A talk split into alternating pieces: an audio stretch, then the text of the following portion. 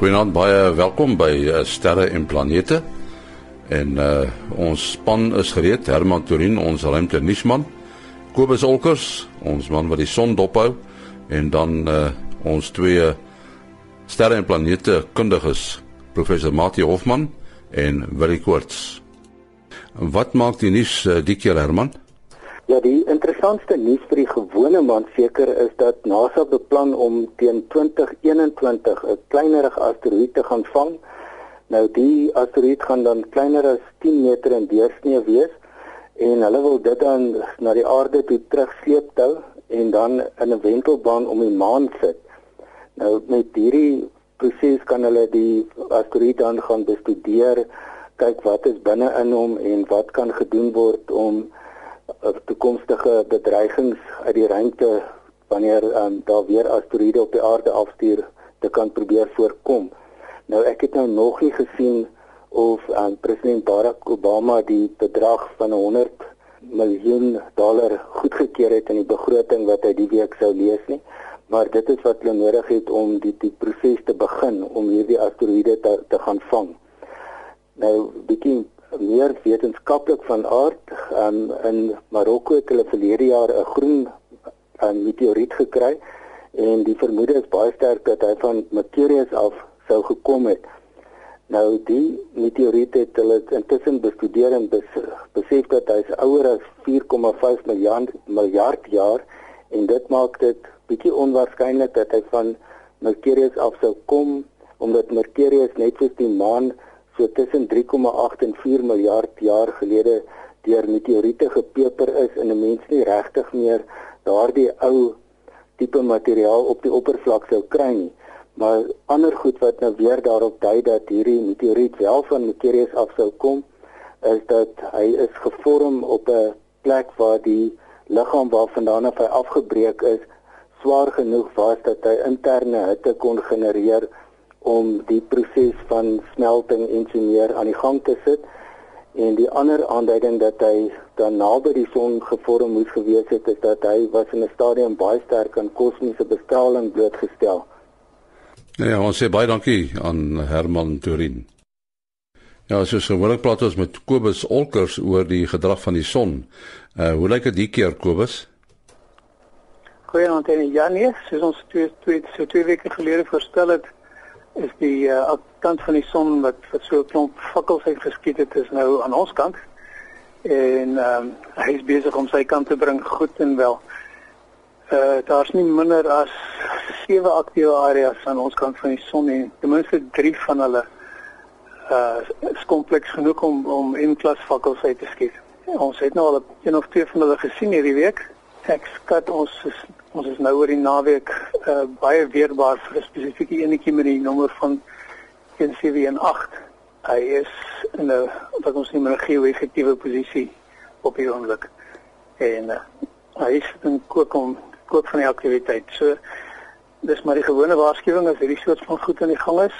Mens kan effekte kry op op uh, verbindings, op navigasiestelsels, GPS spesifiek. Daar's ook selfs 'n uh, nie selfs nie daar is soos ons seker al reeds agterkom geraas op die op die op die telefoonlyne en op die internet. Data skakels kan val. So dit is 'n soort van ding wat 'n mens maar moet uh, vir voorsiening tref. Dan het ons nog twee drie redelike groot uh filamente op die oppervlakte van die son.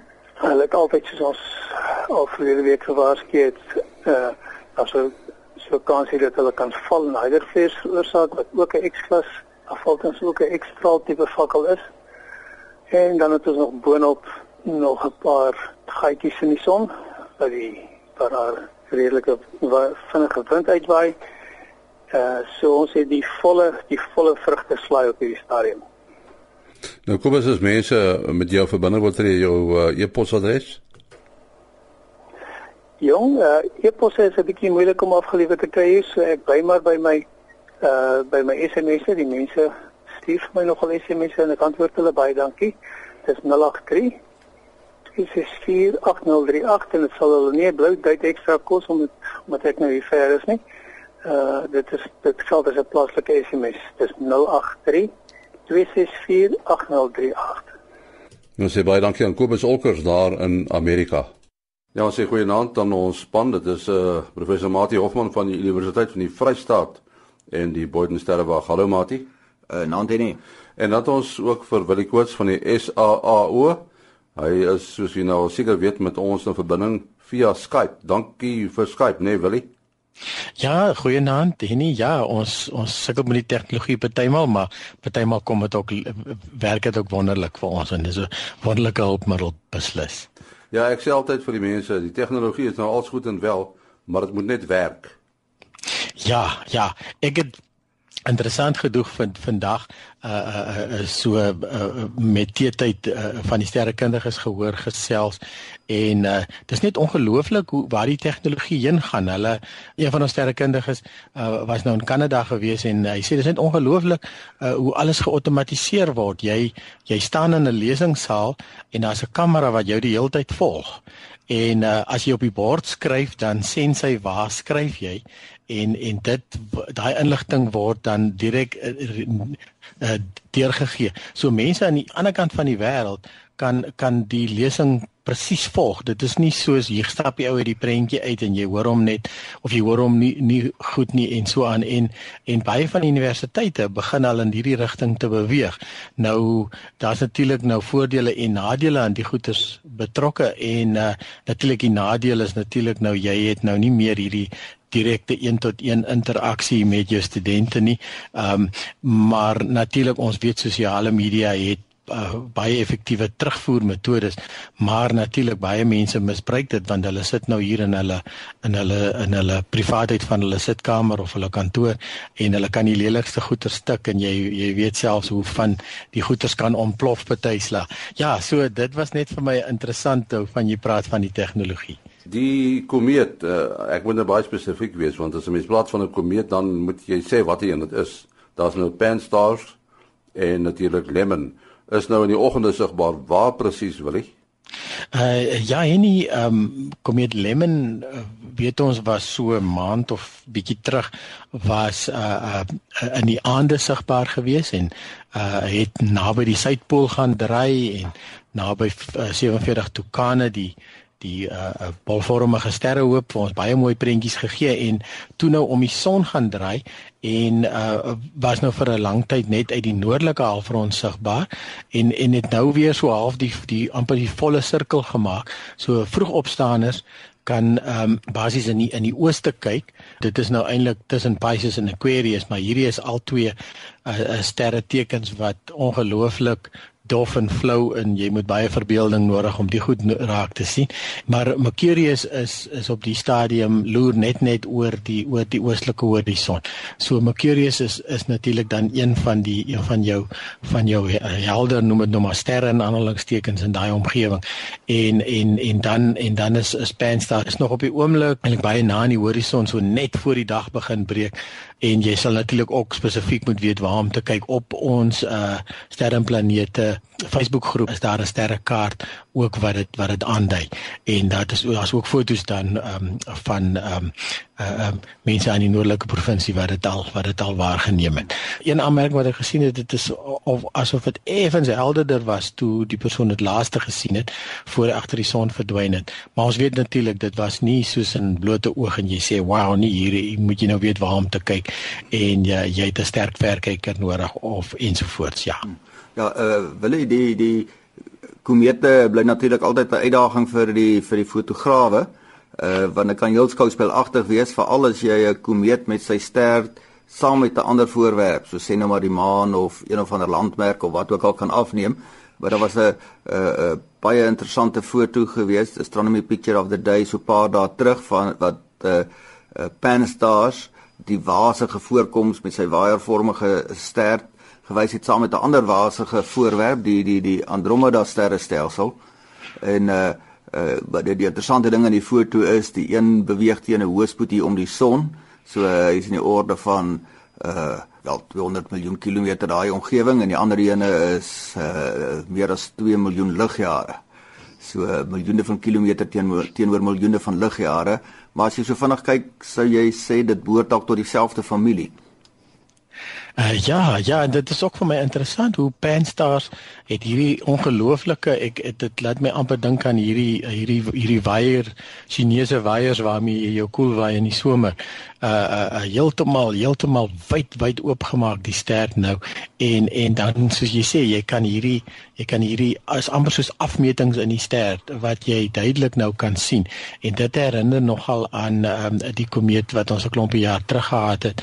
Um wie ja, so naam wat ek nooit kan onthou ja. nie, dankie vir die uitdaging daar. Daar het ons nou 'n gekromde ster gehad. Hier is nou 'n reguit ster, maar uh uh McNaught het ook hierdie ongelooflike uh, afdelingkies in sy ster gehad. En dit is natuurlik 'n uh, 'n uh, uh, aanduiding daarvan dat die komeet self roteer en en dan het hy hierdie amper soos soos gewens wat hulle in Engels noem sulke sulke plekke waar die waar die gasse dan makliker ontsnap en en as die na die son se kant toe wys dan dan raak hulle meer aktief soos wat die wat die komeet self om sy eie as tuimel. So ja, baie interessant uh hoe Pan-STARRS ontwikkel het uh, in sê dit ons om laaste hier in die in die suidelike halfrond gesien het.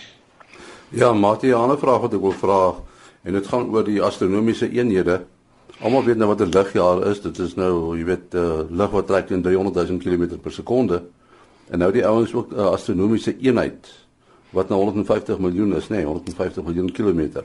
Uh ja, die gemiddelde afstand tussen die aarde en die son. Ja. Wat 'n goeie maatstaf is, 'n logiese maatstaf om ons omgewing van die klein omgewing in die sonnestelsel te verstaan. Ja. Uh so jy kan nou praat van soveel honderde uh astronomiese eenhede. So dan praat jy van iets so groot soos 'n soos 'n sonnestelsel. Uh maar as jy nou verder gaan dan begin dit nou baie groot getalle raak. Ja. Die die die die lig die ligjaar is altyd goed om dan ten minste kan gaan sê 'n ligjaar om dit uit te druk in terme van iets wat jy ken. Uh en as jy afrond, kan jy praat van 10 miljoen miljoen kilometer, miljoen miljoen. Ja. Uh in die moderne taal uh wil jy dit maar daar reg help uh, triljoen ja. triljoen. Ja. Maar nou dit is my punt en dit is uh met die nuwe ontdekkings wat die ouens maak, jy weet die die ouderdom van die heelal en so aan. Het dit nie tyd geword daar nou nog 'n nuwe eenheid ontstaan nie?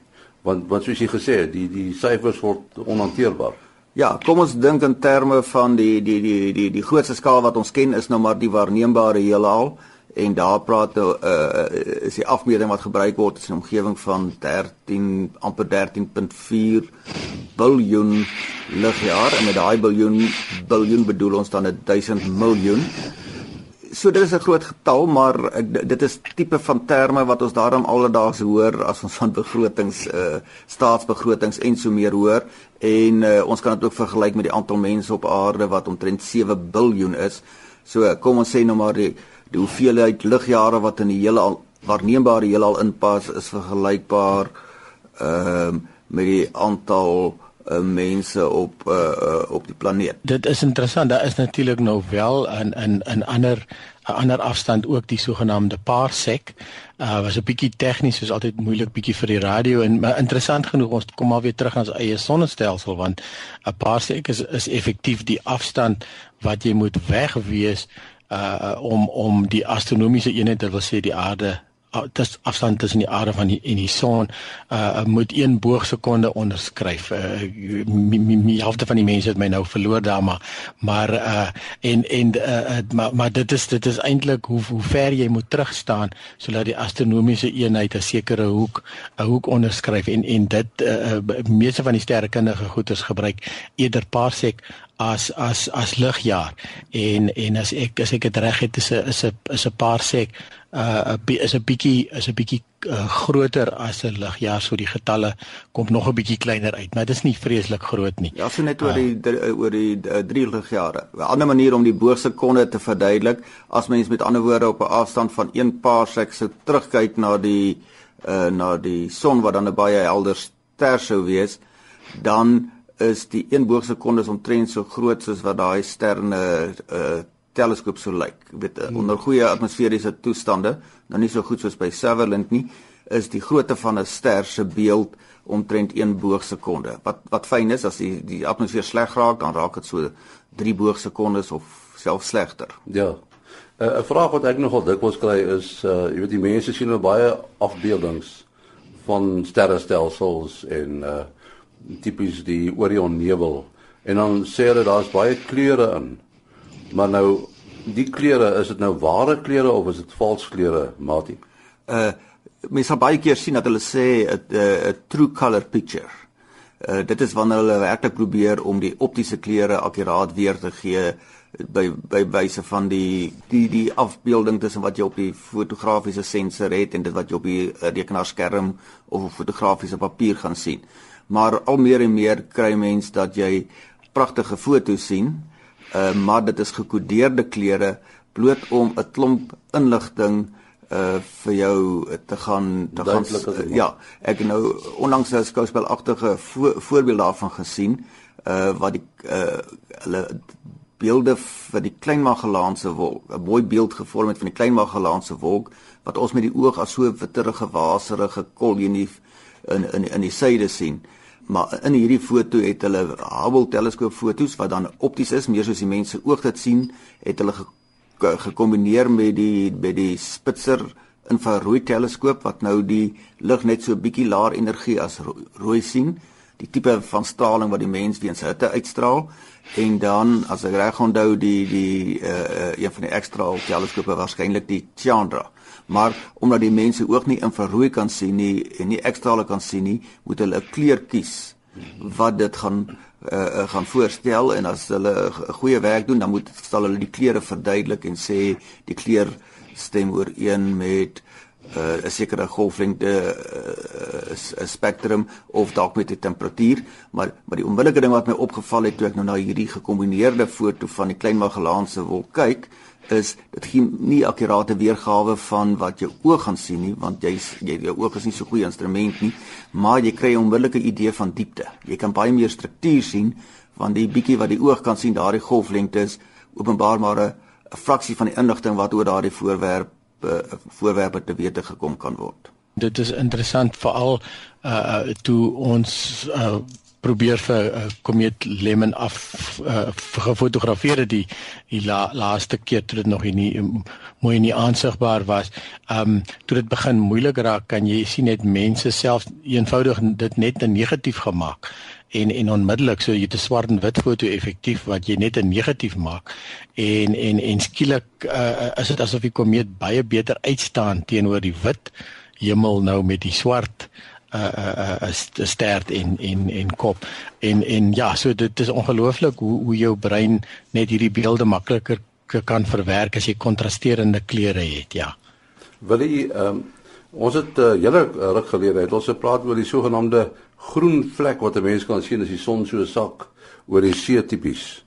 Uh het jy al so iets gesien? Interessante uh, storie eintlik met my eie ondervinding daarin verbonde. Ja, as mense dit wil Google of Wikipedia green flash is is maar die algemene ding.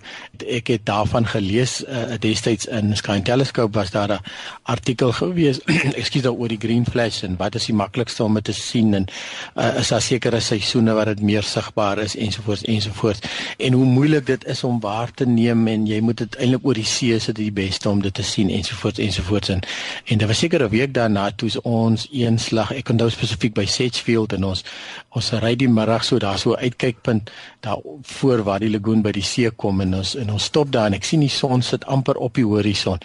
En uh, ek verduidelik gou vir my vrou en, en sien daai stadium van die green flash nou mooi dop as die son nou ondergaan dan die, net voor hy sy laaste 'n uh, uh, bietjie verdwyn, die laaste puntjie van die son verdwyn, dan gaan hy vir 'n oomblik groen word. Uh, uh en dit is so baie moeilik om te sien en so aan en so aan en so aan en ons sit hou dit nou dop en woep daar's die green flash. En ek dog big deal wat is dan nou so moeilik daaraan ek bedoel hierso het dit ons die eerste keer wat ek dit probeer reggekry en dit was die laaste keer wat ek dit gesien het. En dit is nie dat ek intussen nie probeer het nie. Dit is ja dit is dit is interessant. Dit is natuurlik nou 'n atmosferiese ding. Die atmosfeer ons weet almal as ons, ons kan direk in die ondergaande son kyk wat jy nie 12 uur in die middag kan doen nie want dan gaan jy jou oë verloor. So uh, uh, want jy het 'n baie klomp atmosfeer waardeur jy kyk. En en ons het ook al gesien dat die son is is na, na naderhand ovaalvormig en kan selfs opbreek in sulke verskillende dele amper soos die son ondergaan daai laaste vir al daai laaste stukkie en uh, uh, uh, en dan uh, werk die son ook soos 'n prisma. Uh, uh, okay, die ander ding wat nou eintlik niks hiermee te doen het is die son is natuurlik al reeds onder fisies wanneer ons hom sien ondergaan want die lig jy kyk af oor die horison en uh maar dan dan kry jy dat die son lig opgebreek word in sy kleure en en en groen is dan uh het, ons weet eintlik die sonsondergang is rooi omdat die rooi lig is lang golflengtes en dit kan dit kan al die pad tot by jou oor tot by jou oog kom dieselfde soos wat in in in in mishoringe lae notes wat wat nie maklik gesteer word deur uh, geboue en ander geraas nie. Uh um so dit, dit penetreer jy hoor die taxi se doef doef doef eerste voor jy die ander musiek hoor. So die die lae golflengtes het met beter soort van penetrasie metodes en dan vir die vir die korter golflengtes om dit te maak is is natuurlik goeie omstandighede nodig. So jy het jy dan 'n skoon atmosfeer nodig en jy het uh, 'n uh, lekker lae horison nodig en natuurlik die see is natuurlik een van jou beste laagste horisonne wat jy kan kry. So ek sê dit was nou vir my beginners geluk geweest om hom so maklik te sien en nog weer probeer nie. Van ons sterrekundiges wat natuurlik nou ook altyd hierdie goedes graag dophou. Ek weet spesifiek was eenslag op Sutherland en hulle het vir 'n week elke oggend die groen flash gesien, die groen flits gesien op die son en uh, dit is natuurlik makliker in die oggend omdat jou oog nie verblind word deur die deur die die gloed van die son nie. Ehm um, jy weet eintlik dan nie presies waar hy gaan opkom nie, so dit maak dit weer 'n bietjie moeiliker in daai geval. So dit werk ook met sonsopkoms dat die eerste wat jy sien is hierdie groen stukkie en dan kom die son uit bo kan die horison. Ja. Uh, en jy lyk my ons het nou 'n ekstra goeie rede om weer by die see te probeer uitkom. ja, ek wil vra Mati, uh, ons praat dan van die groen vlek, maar baie van die die fotos wat ek sien van die uh, die auroras Ek weet dit is dis rooi ook, maar meestal is dit lyk my groen.